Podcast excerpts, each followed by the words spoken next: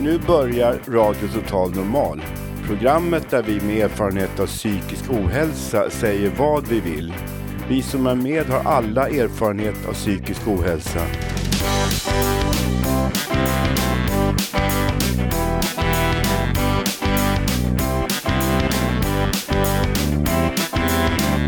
Du lyssnar på radio Total Normal.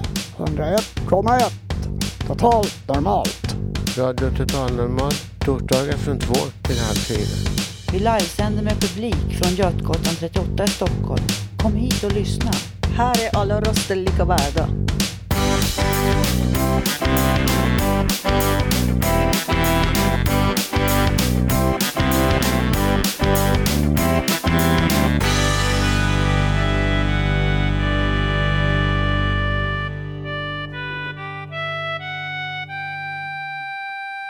Och programvärd idag är Katrin Lofford.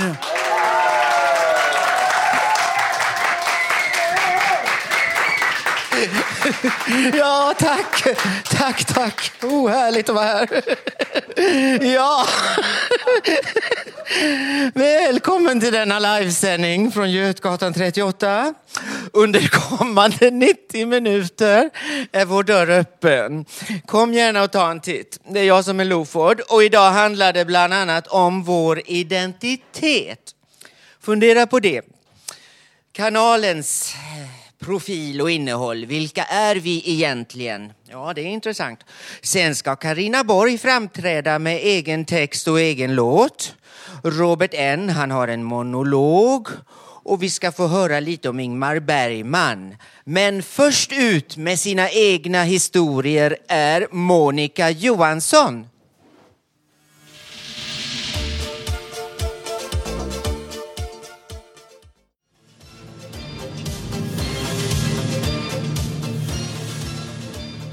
Ja, det var den låten det. Och nu kommer Monica Johansson. En stor applåd!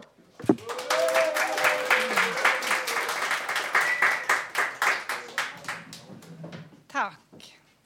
Jag ska berätta en historia som börjar med de här orden. Välkommen grät månen. Jag tackar jag, sa aftonrådanden. Vallmon vissnade. Förget mig ej, kraxade vit örn om natten.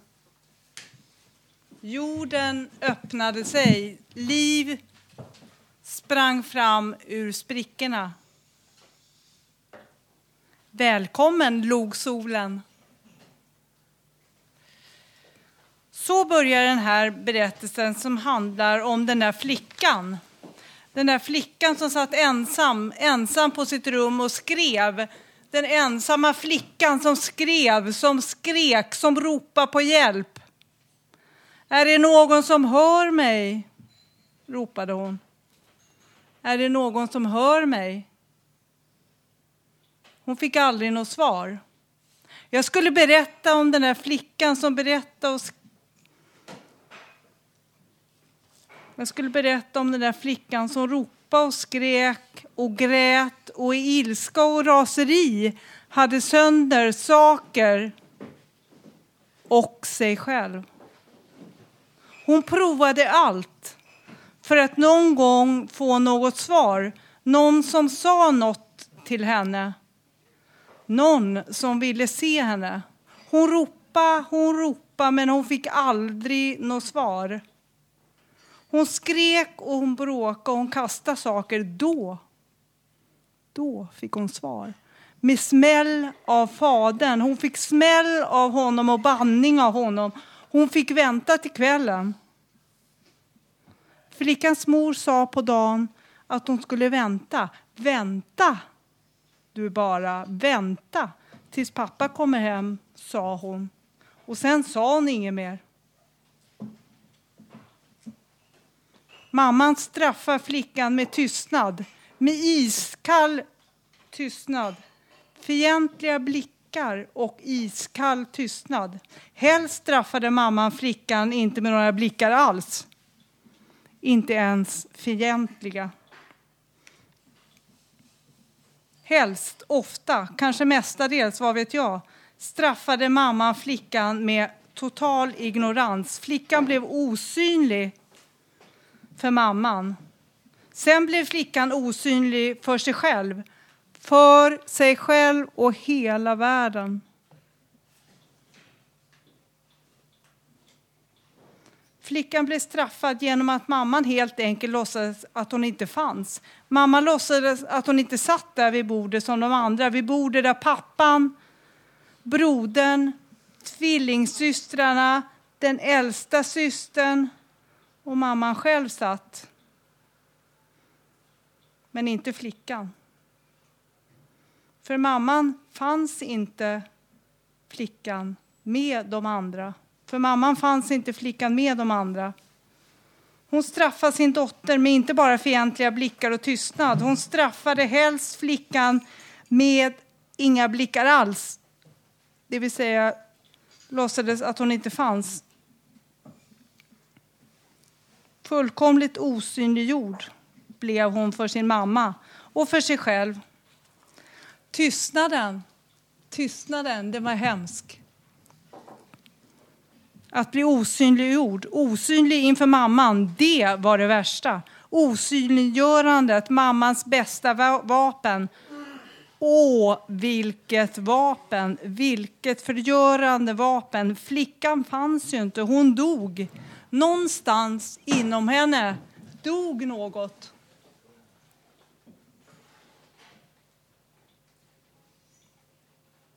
Flickan är jag. Tack. Jag lever än. Tack, hej.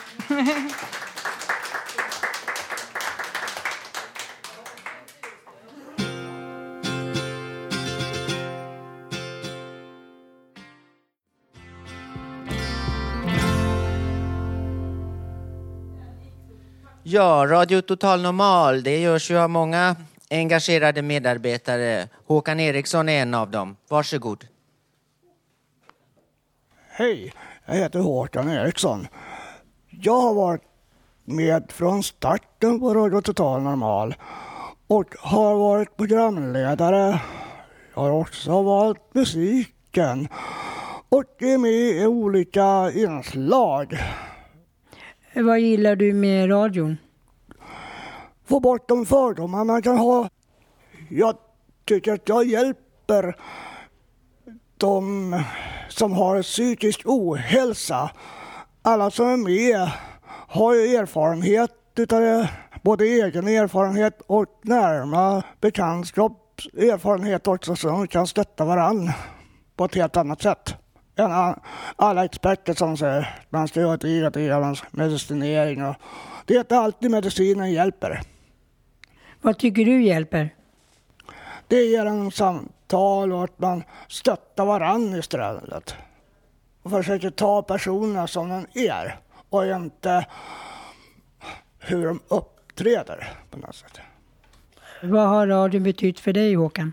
Radion har betytt mycket. Att, att jag kan eh, hjälpa de utstötta i samhället med att föra deras talan. För det är inte alltid de kan se det. Och det har stöttat mig också att våga tala för, inför publik. Det påverkar mig med att jag vågar uttala mig om, vågar sticka ut hatspetsen som politiker, men ändå få ett resultat till det bättre för de som har psykisk ohälsa och försöka få bort alla de här fördomarna som finns.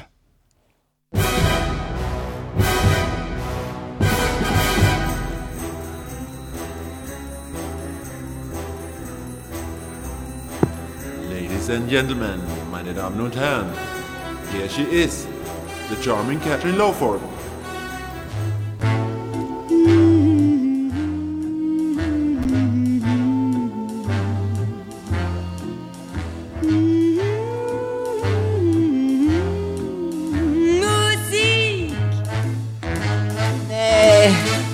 Nej, Gustav, sänk.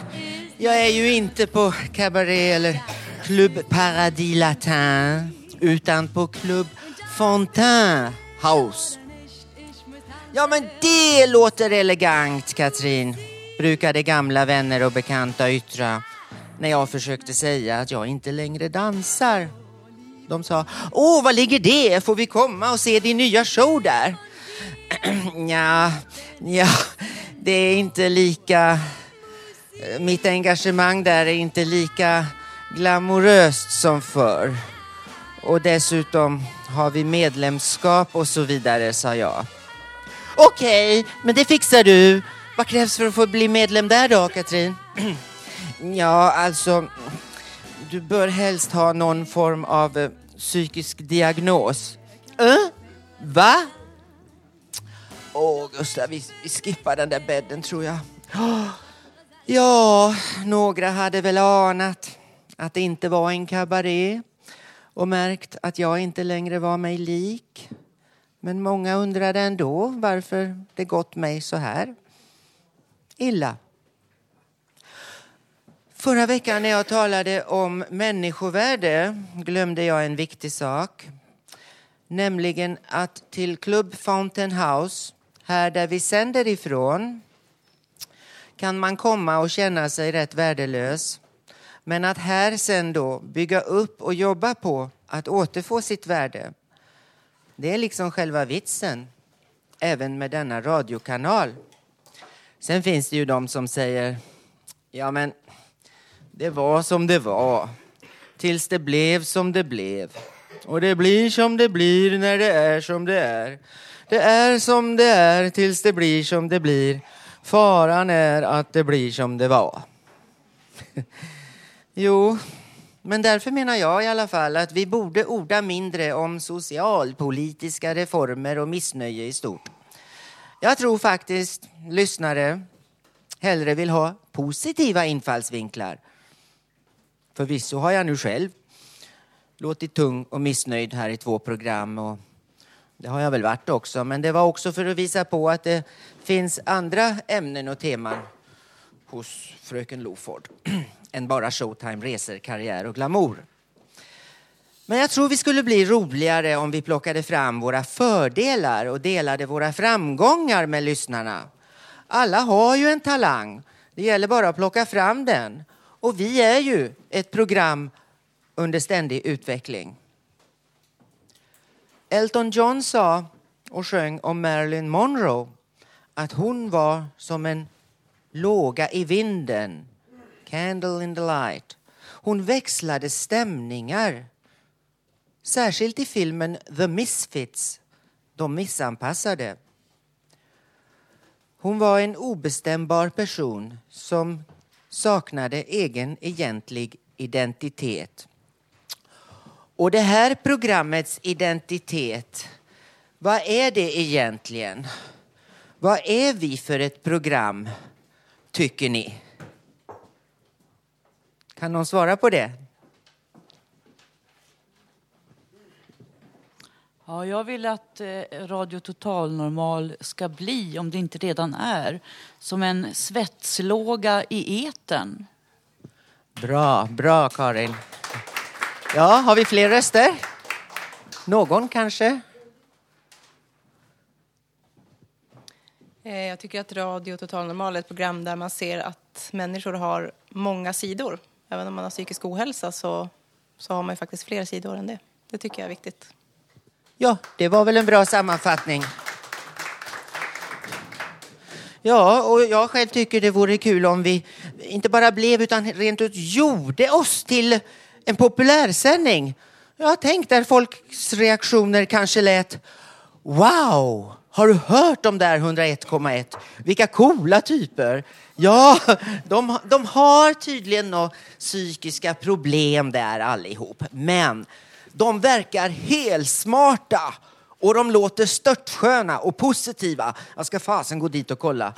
Eh, ja, jag har hört två, i alla fall tre stycken tror jag, som faktiskt nästan till och med skulle passa i firman och så vidare. Va? Tycker ni inte? Jag vill bara inspirera till lite nytänkande. Attitydsförändring i samhället pratas det om här. Hm, jo visst, men vi här själva måste också tänka på vår egen attityd och vad vi använder tiden till. Inte minst våra dyrbara 90 minuter i radio per vecka. Vem vill ha, anställa eller lyssna på gnälliga pessimister med loserattityd i repris? Nej, skärpning alltså. Nästa vecka ska jag berätta om gåslevertjuven i Genève och hur det var att arbeta i denna fransk-schweiziska eleganta miljö. Om en ekivog kvinna på vift kan vi också kalla det. Mm, jo, jo. Om du nu går in på radiototalnormal.se och klickar på lyssna. Där i displayen till vänster finns alla sändningar lagrade. Även de showtime och reseminnen som jag berättade om hösten 2008. Dock inslagen via datan blir med förkortad musik, förstår ni. Det ligger till så bara. Så det är mycket bättre att lyssna direkt. Gärna här i matsalen på Fountain House. Torsdagar klockan 14. Ja, det var det hela.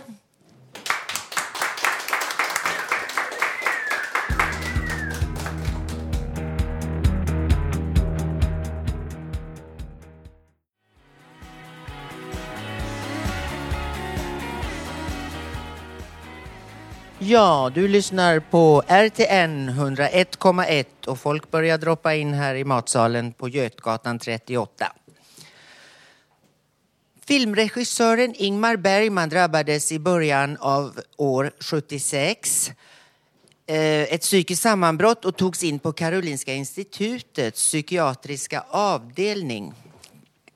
Eh, han skriver om denna omstörtande händelse i sin självbiografi från 1987, Laterna Magica. Eh, för övrigt en av Karins favoritböcker.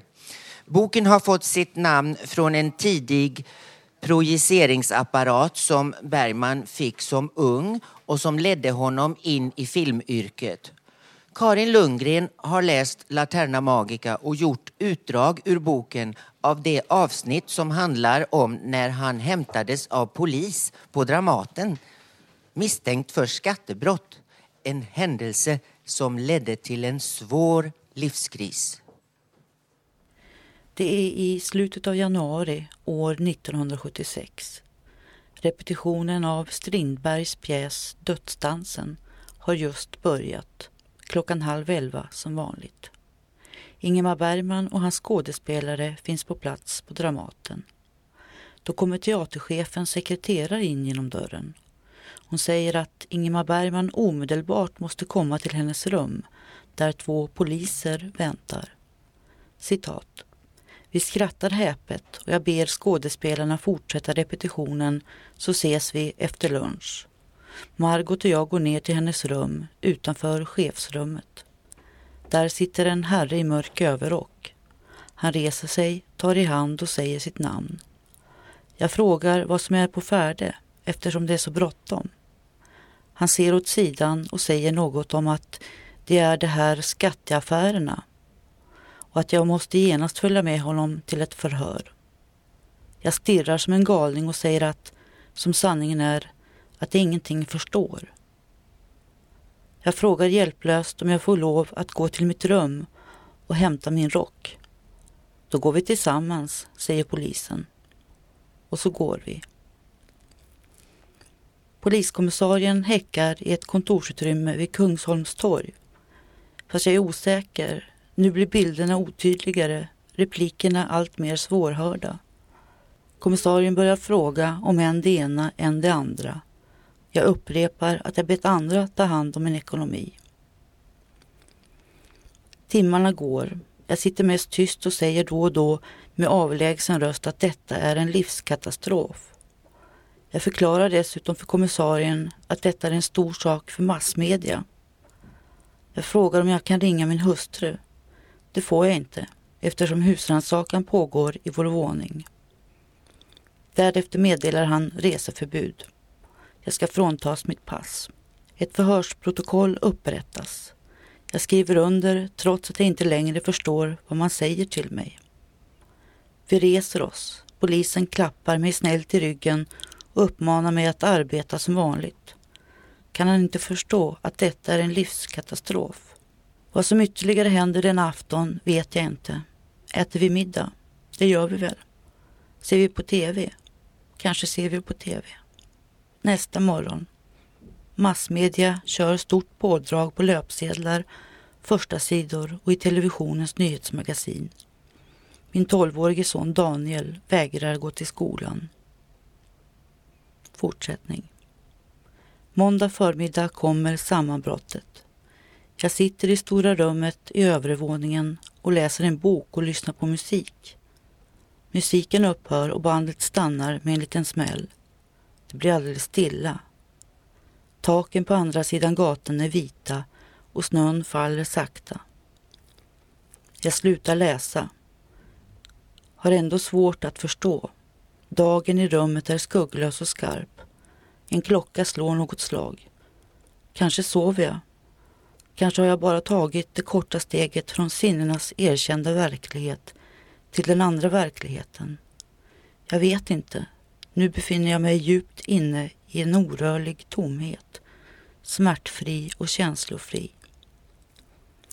Jag sluter ögonen, tror att jag sluter ögonen, anar att någon finns i rummet, öppnar ögonen. I den skarpa dagen några meter bort står jag själv och betraktar mig. Upplevelsen är konkret och oemotsäglig. Jag står där borta på den gula mattan och betraktar mig som sitter i stolen.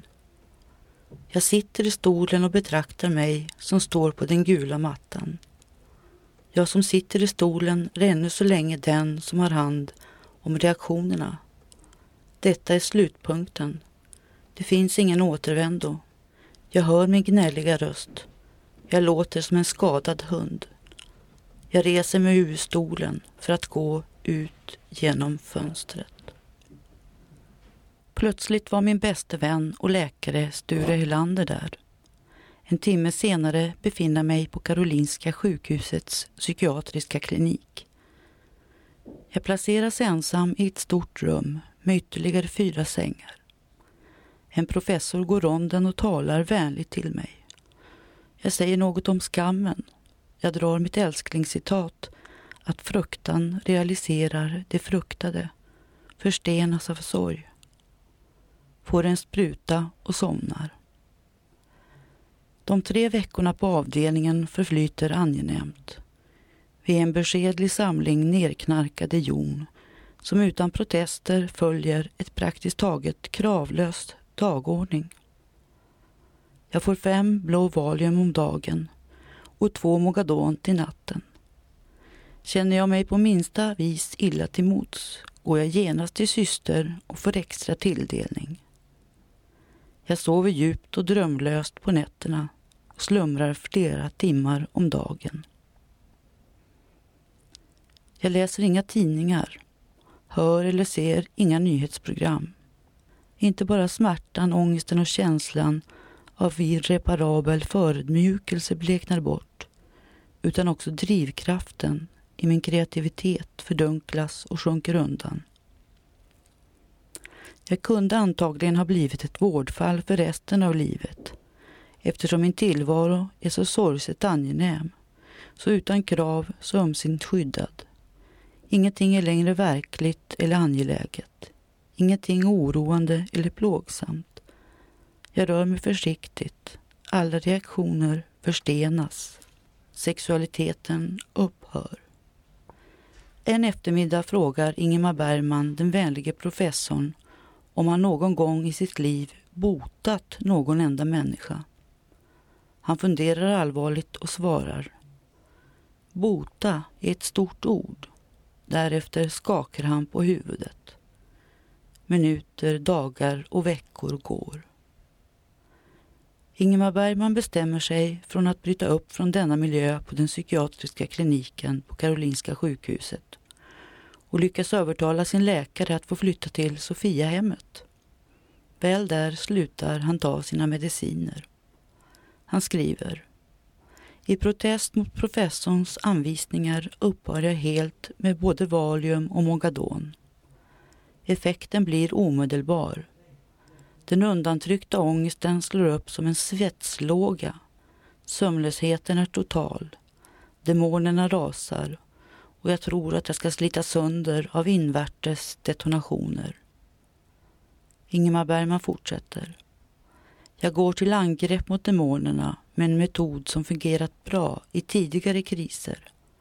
Jag delar in dagen och natten i bestämda tidsenheter som var och en fylls med på förhand organiserade aktiviteter eller, eller vilomoment. Jag återtar, kort sagt, min vana att noga planera och iscensätta mitt liv. En dov vrede, under avsevärd tid sammanpressad och förstummad, börjar röra sig nere i de mörkaste korridorerna. Nu ska jag inte överdriva. Min yttre uppenbarelse är ynklig. Jag är grinig och irritabel, tar emot all ömhet och omvårdnad som en självklarhet, men gnäller som ett bortskämt barn. Jag är innanför rutinerna och den ålagda självdisciplinen rådlös och förvirrad. På nätterna då jag inte orkar läsa står en pluton av demoner redo att angripa mig. På dagarna innanför den ögonskenliga ordningen råder ett kaos som i en utbombad stad. Ingemar Bergman får allt svårare att skriva. Han skriver dock en artikel i Expressen om det påstådda skattebrottet där han också meddelar att han är tvungen att fatta ett antal beslut för att få lugn och ro. Han skriver, citat, Mitt första beslut, eftersom jag kräver en viss trygghet för att kunna åstadkomma något i mitt yrke och eftersom denna trygghet uppenbarligen kommer att förmenas mig under överskådlig tid blir jag tvungen att söka denna trygghet någon annanstans än i detta land. Dagen därpå flyger Ingemar Bergman med sin hustru till Paris. Ingemar Bergmans exil varade i nio år.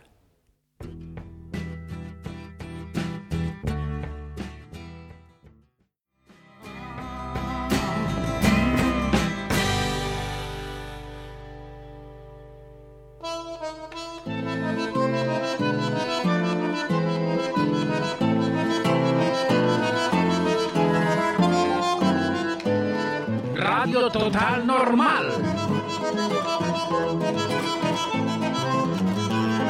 Sänder över la galaxia.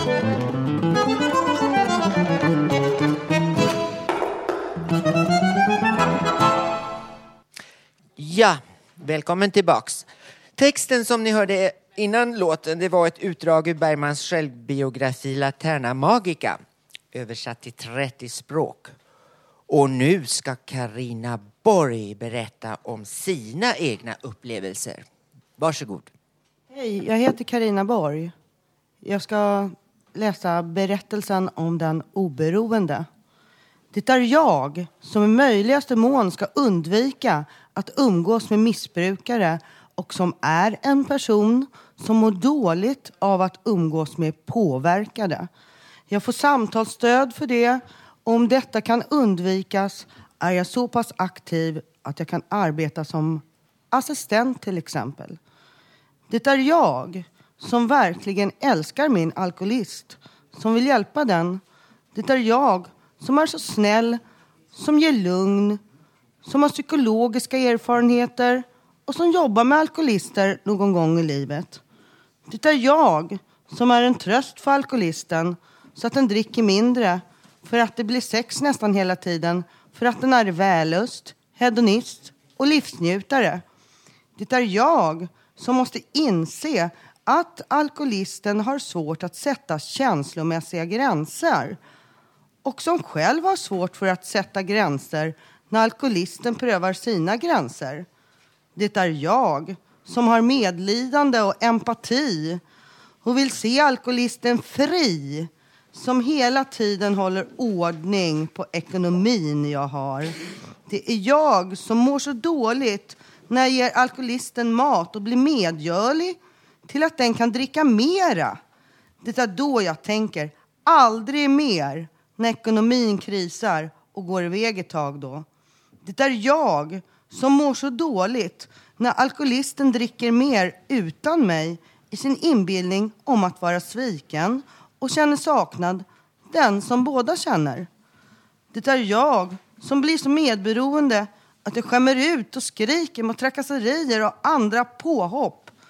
Det är jag som är den rejäla partnern. Det är jag som aldrig valt att bli alkoholist och som aldrig kan bli det. Jag kan ta in ett par klunkar till en, två, tre öl med långa mellanrum på två, tre månader till flera år och som aldrig känner abstinens. Det är jag som kallas för nykter vän. Jag är bestämd och jag har inga behov av förhållanden men kan älska när det finns där i frid. Det är jag som klarar av att vara nykter i resten av mitt liv. Nu en dikt. Jag kommer med min längtan till dig. Du har sagt att du väntar på mig. Jag knackar på dörren, men du hör mig inte för att musiken står högt i tak hos dig.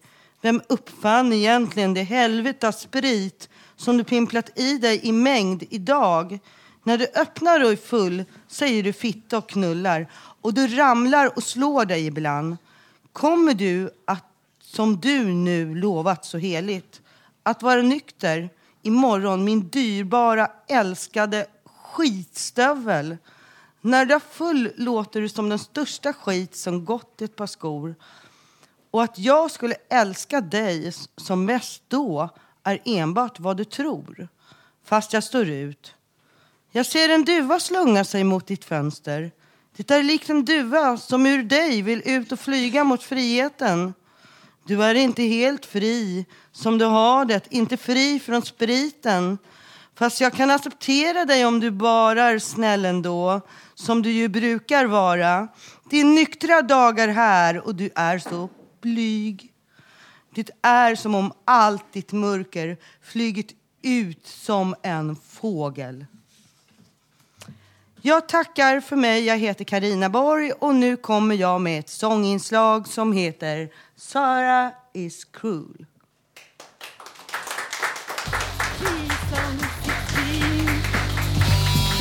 Yes, she looks like a sex machine. She's teasing all the boys with her noise.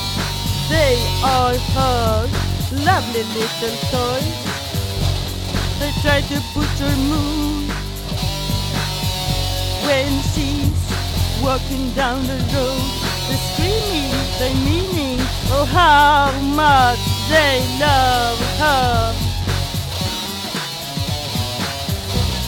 But she doesn't care because she's the girl with the long, long hair. Then she's the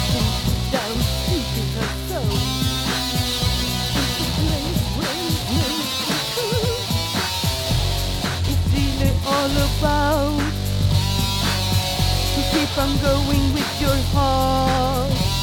No matter what others say, they don't know how it feels to be obsessed. Now let me give you some advice. Don't ever listen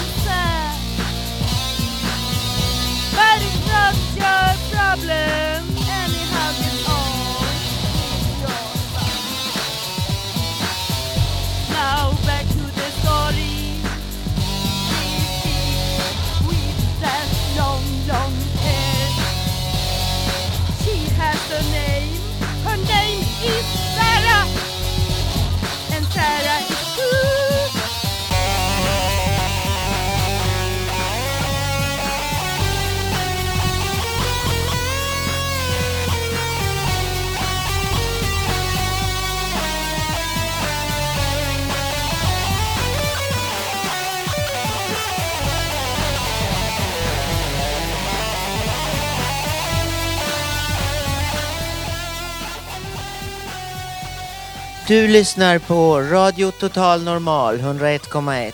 Vi sänder från Fountain House som ju är ett center för psykisk återrehabilitering. Och du som på något sätt haft med psykiatrin att göra men finner det svårt att återgå till arbete och meningsfull vardag. Hit kan du komma för att bygga upp dig själv och hitta nya vägar. Och kanske vänner. Adresser, hemsida och telefon kommer senare. Så häng kvar. Och nu har jag faktiskt fått en trevlig snubbe vid min sida som jag känner igen nerifrån kontoret. ja, han heter Torbjörn och han är väldigt duktig. Han kommer här med någonting. Eh, det ska alltså på Mosebacke nu nästa lördag den 13 vara... Ja, vad ska det vara egentligen? Det, som ni kanske eh, redan känner till, många av er, så fyller ju Fountain House i Stockholm 30 år i år. Och vi kommer att börja och fira det jubileumsåret med lite jubileumsrock. Ja, då på Kägelbanan på Mosebacke. Och det är ju lördag den 13 februari mellan 15 och 18. Och där kommer bland annat eh, The The Flashtones, eh, Stupidity och Cocktail Slippers att uppträda så att eh, de kommer att stå på scen. Du, flash tones, tunes, fläskiga toner. Vad är det för något egentligen? Ja, Flashtones, de, kanske, de är väl lite av huvudattraktioner här och de befinner sig just nu på en turné som de kallar för Blast of Cold Air Tour. Och The Flashtones Hall of Fame, de består av de fyra mest spännande männen inom rock'n'rollen. Och det är Peter Seremba på sång, munspel och orgel, Kit Sträng, gitarr och sång, Billy Mill Hisser, trummor och sång och Ken Fox på bas och sång. Och ja, sen sommaren 1976 så har The Flashtones blandat rock'n'roll, rhythm and blues och garage med dans och serverar detta från stad till stad runt omkring i världen. Med ett leende, en bra attityd och med många svettiga nätter. Så under åren har det helt enkelt kallat musiken för superrock. Och det här bandet har sitt ursprung då i Brooklyn, New York, en liten bit från Queens.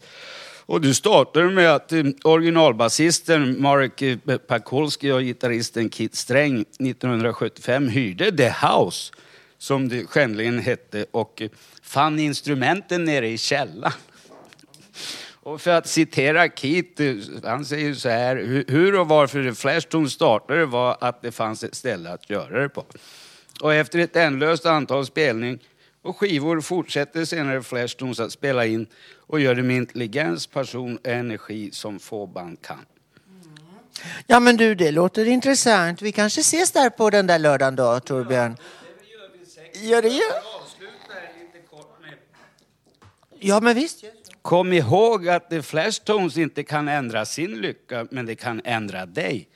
Så kom till Kägelbanan, Mosebacke och låt oss ha lite roligt tillsammans. Lördag den 13 februari mellan 15 och 18. Det låter bra, Torbjörn. Det ska vi göra. Hälsa kontoret. Hälsa kontoret. Nu står Robert N beredd, ser jag. Och vad är det han ska göra idag? Jo, han ska ha en monolog och ett... Ja, just det. Först ska vi ju höra Flashstones då, ja. Och eh, Robert får väl sätta sig under tiden så det blir någon ordning här. Ja.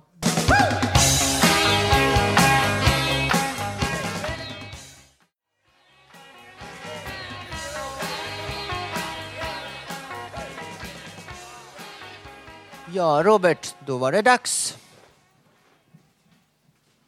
Ja, då var det Radio Total Normal med Robert N igen. Och jag har ett eh, debattinlägg idag. Det måste synas grymt, sade grisen. Hur ser du på din roll i liv och kärlek? Vad är ditt mål, du lilla skrämda?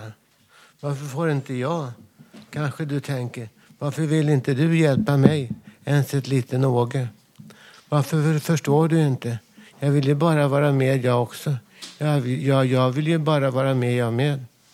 Hur ser du på din mor? Har du någon synlig far? Varför tar inte människor dig på allvar? Varför är du så rädd? Det blir väl inget bättre av. Hur ser du på ditt liv, du lilla skrämda? Hur ser du på ditt liv, du lilla skrämda? Hur ser du på ditt liv? Varför kände du det utanför? Varför hade du inga vänner? Varför sade din moder, ingen älskar mig, inte ens ett enda lite? Varför sade din fader att din mor inte var bra? Vad är då ditt liv värt, du lilla rädda? För nog förstår väl du att människor är värda lika mycket, att alla har samma värde. Ändå är det ju bara ett behov, att det skulle vara en rättighet. Det är väl som det är med det. Nog förstår väl du också att folk, det andra, det stora, vackra, fantastiska, det menar faktiskt illa ibland. Människor som säger annat, det far med lön och osanning. Det sprider villfarelser och förvirring. Det är inte alltid så att ingen menar något illa. Ibland menar folk faktiskt illa. Ibland vill de se dig ta stryk. Ibland är det faktiskt så illa att ingen faktiskt bryr sig. Det må synas hemskt. Det må synas vara ett icke avundsvärt öde. Det må synas helt krasst, synas fruktansvärt. Att du inte har det lika bra som andra. Men så är det. Så lätt, så, så lätt som andra har det. Att göra rätt. Och att, att, att bara ha det. Lika svårt är det för dig. Att få till, att få till ditt eget stackars förtappade rädda liv. Det må synas krasst. Det må synas grymt som grisen sa det. Sa det.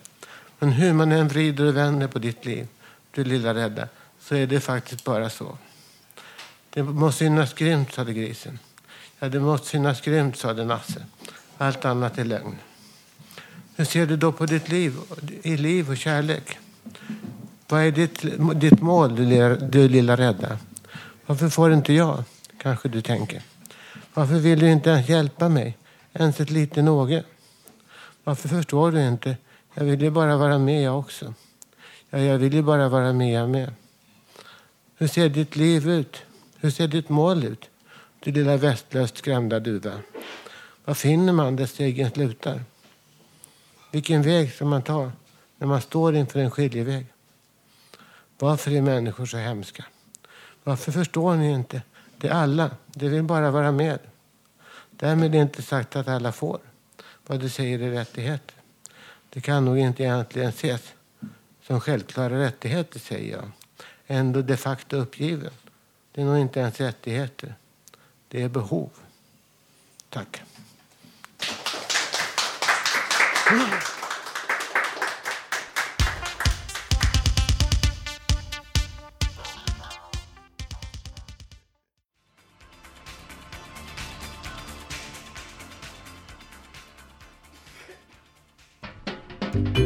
Poesi i Radio Total Normal. Ja, det här är Katrin Loford och jag lotsar mellan inslagen idag. Men i den här hörnan av programmet, det har jag då aldrig varit med. Men ni förstår, det var en gång. Ja, det var en gång tio små prinsessor som skulle resa till Rio men en stannade kvar hemma och så vart de nio. Nio små prinsessor skulle mäta och måtta men en hon mätte fel och så vart de åtta. Mm. Åtta små prinsessor till varandra sade du, men en sa du till kungen och så vart de sju. Sju små prinsessor gillade spex, men en gick för långt och så vart de sex. Sex små prinsessor skulle dansa ballett, men en hon dansa polka, så det vart en kvintett.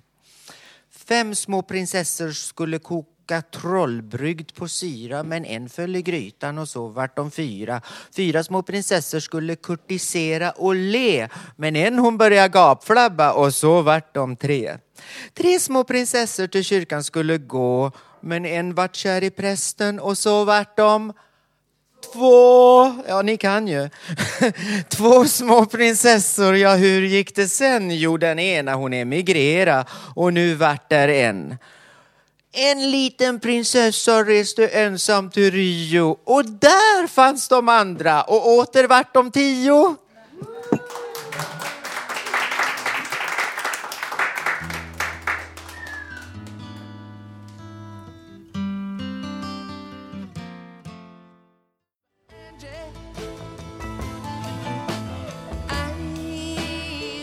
Ja, och nu ska Håkan Eriksson citera lite här om uh, skriverier och liknande. Jag vet faktiskt inte vad det är. Vi får väl höra. Ja, jag läste i Aftonbladet häromdagen att den polisman som högt uppsatta polisman som nu står åtalad för våldtäkt att han skulle få köpa ett eh, barnkollo som jag är mycket kritisk till för att jag anser att det är fel att han fick eh, eh, köpa det på grund av ett, att han är åtalad för våldtäkt och kan bli dömd. Han har varit med i en grupp som har arbetat mot sexuell utnyttjande av barn.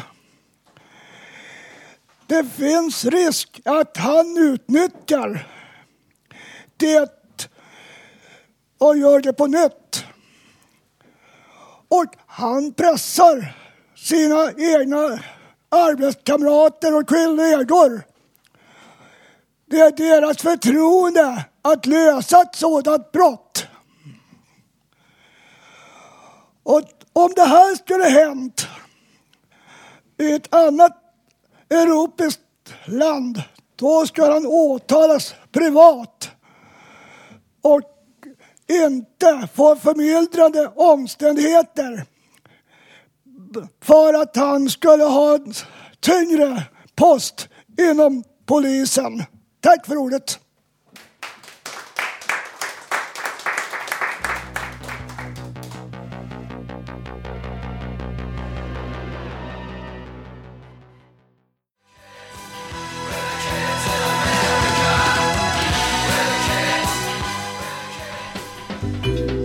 Poesi i Radio Total Normal. Ska jag läsa en dikt? Midsommar var inne. Det var 2010. Det ser jag var december Jag bor i Hammarbyhöjden. Jag är 56. Juni, juli var sommar. Solsken. Idag är fredag. Juni var vinter. Kanske imorgon är lördag. Ett fartyg jag var på 1969-70. Båten kom till Atlanten. Dessutom Panamakanalen. Jag var på Sydamerika. I Hamburg, Tyskland, Antwerpen, Belgien. Gotland, Finland.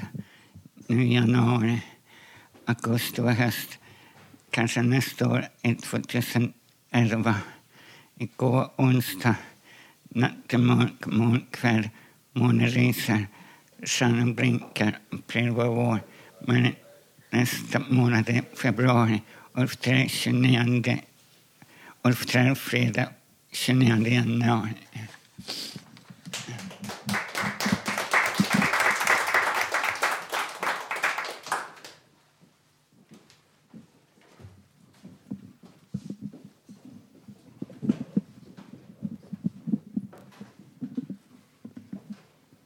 Nu är Hasse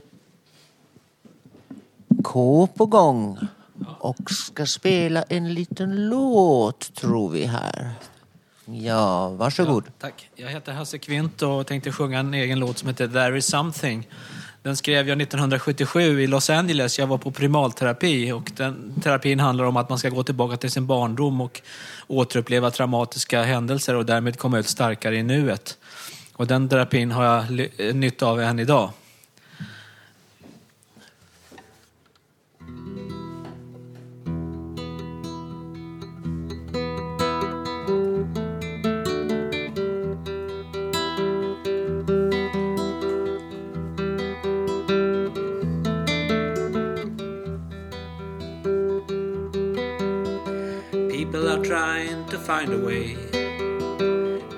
This world today. We're searching after something in this lonely game we play. Everyone is trying to balance their own pain. But it's hard to live when we make the world insane.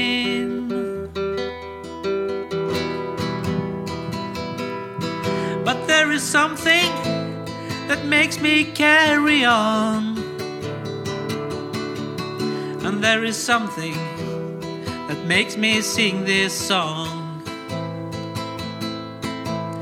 The love between you and me can always help to ease the misery.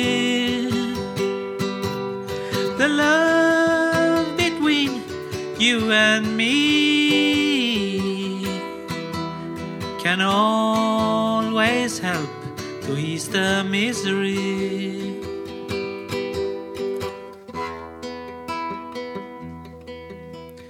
People are meditating, trying to travel through the night. People are doing therapy and yoga, that's alright. When we're making bombs, continuing the fight, then it seems impossible for us to see the light.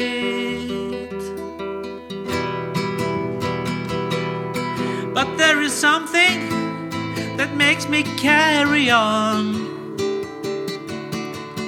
Yes, there is something makes me sing this song. The love between you and me can always help to ease the misery. The love between you and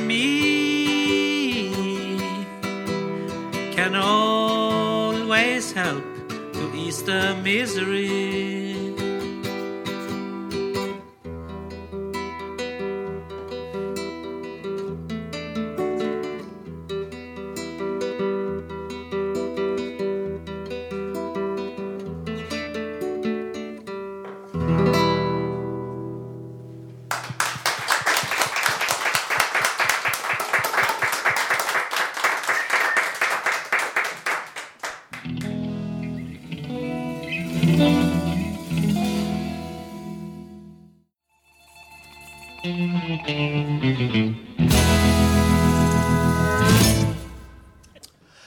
Du lyssnar på RTN 101,1 live från Götgatan 38. Det börjar lida mot slutet av sändningen men Mr X här i teamet vet tydligen någonting om hur det är att söka jobb. Varsågod. Ja, jag ska börja prata om det, men lite snabbt här så ska jag säga att eh, jag är inte mannen att tala om the killing fields i Kambodja. Men jag måste börja med en brasklapp här om arkitekturen. Arkitekturen till exempel i Globen och konsten överhuvudtaget kan uppfattas olika utav olika målgrupper. Och ibland kan människor man har vänt sig till i första hand reagera på helt oväntade sätt och det kan vara positivt och negativt och ibland får man återkoppling utav andra grupper. Men nu ska jag tala om svårigheter att bli rättvist bemött som grupp. Situationen för utsatta i samhället som försöker söka arbete uppträder på olika sätt. Det kan ut, uttrycka sig olika. Sociala myndigheter kan försvåra jobbsök för personer man redan har bestämt att det ska förtidspensioneras. Man begränsar individens rörelsefrihet genom att inte ge möjlighet till en jobbsökande att skaffa sig ett SL-kort och försvåra resande till innerstaden. I vissa fall nekar man och drar ut på försörjningsstödet eftersom pensionspappret bara rent slentrianmässigt ska undertecknas. Beroende på världsläget har olika grupper i samhället utsatta på un, mer eller mindre under olika perioder under landets utveckling. Naturligtvis ska respekt visas för de olika grupperna som är utsatta. Ett exempel på en utsatt grupp är samer där man tidigare ställde ut deras skallar i våra museer. Men nu är en respekterad grupp och har ett sameting, en liten riksdag kan man säga och egen flagga dessutom. Idag kan det öppet visa sin grupptillhörighet med kläder, konstföremål och med smycken. Då är det här också, kan man, ska man skilja mellan det goda och onda? Ska man sortera ut det goda och det onda? Är det någon som har fått sitt SL-kort indraget här som sitter i publiken?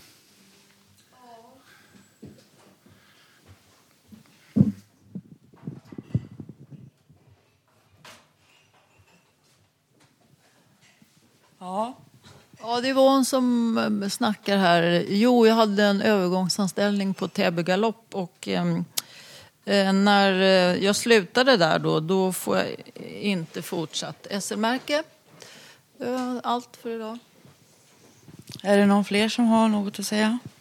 Ja, jag fick inte det indraget då, men det var så här att eh, nu i december då så, så drabbades jag av kontroll då. Då hade jag sån här reducerat pris på mitt kontroll, kontrollmärke eller periodmärke.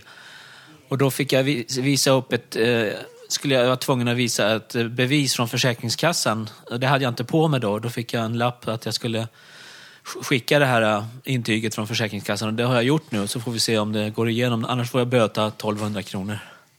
Hur är det då att söka jobb när man har psykisk ohälsa? Är det någon som har något att säga om det? Blir man respekterad på arbetsmarknaden?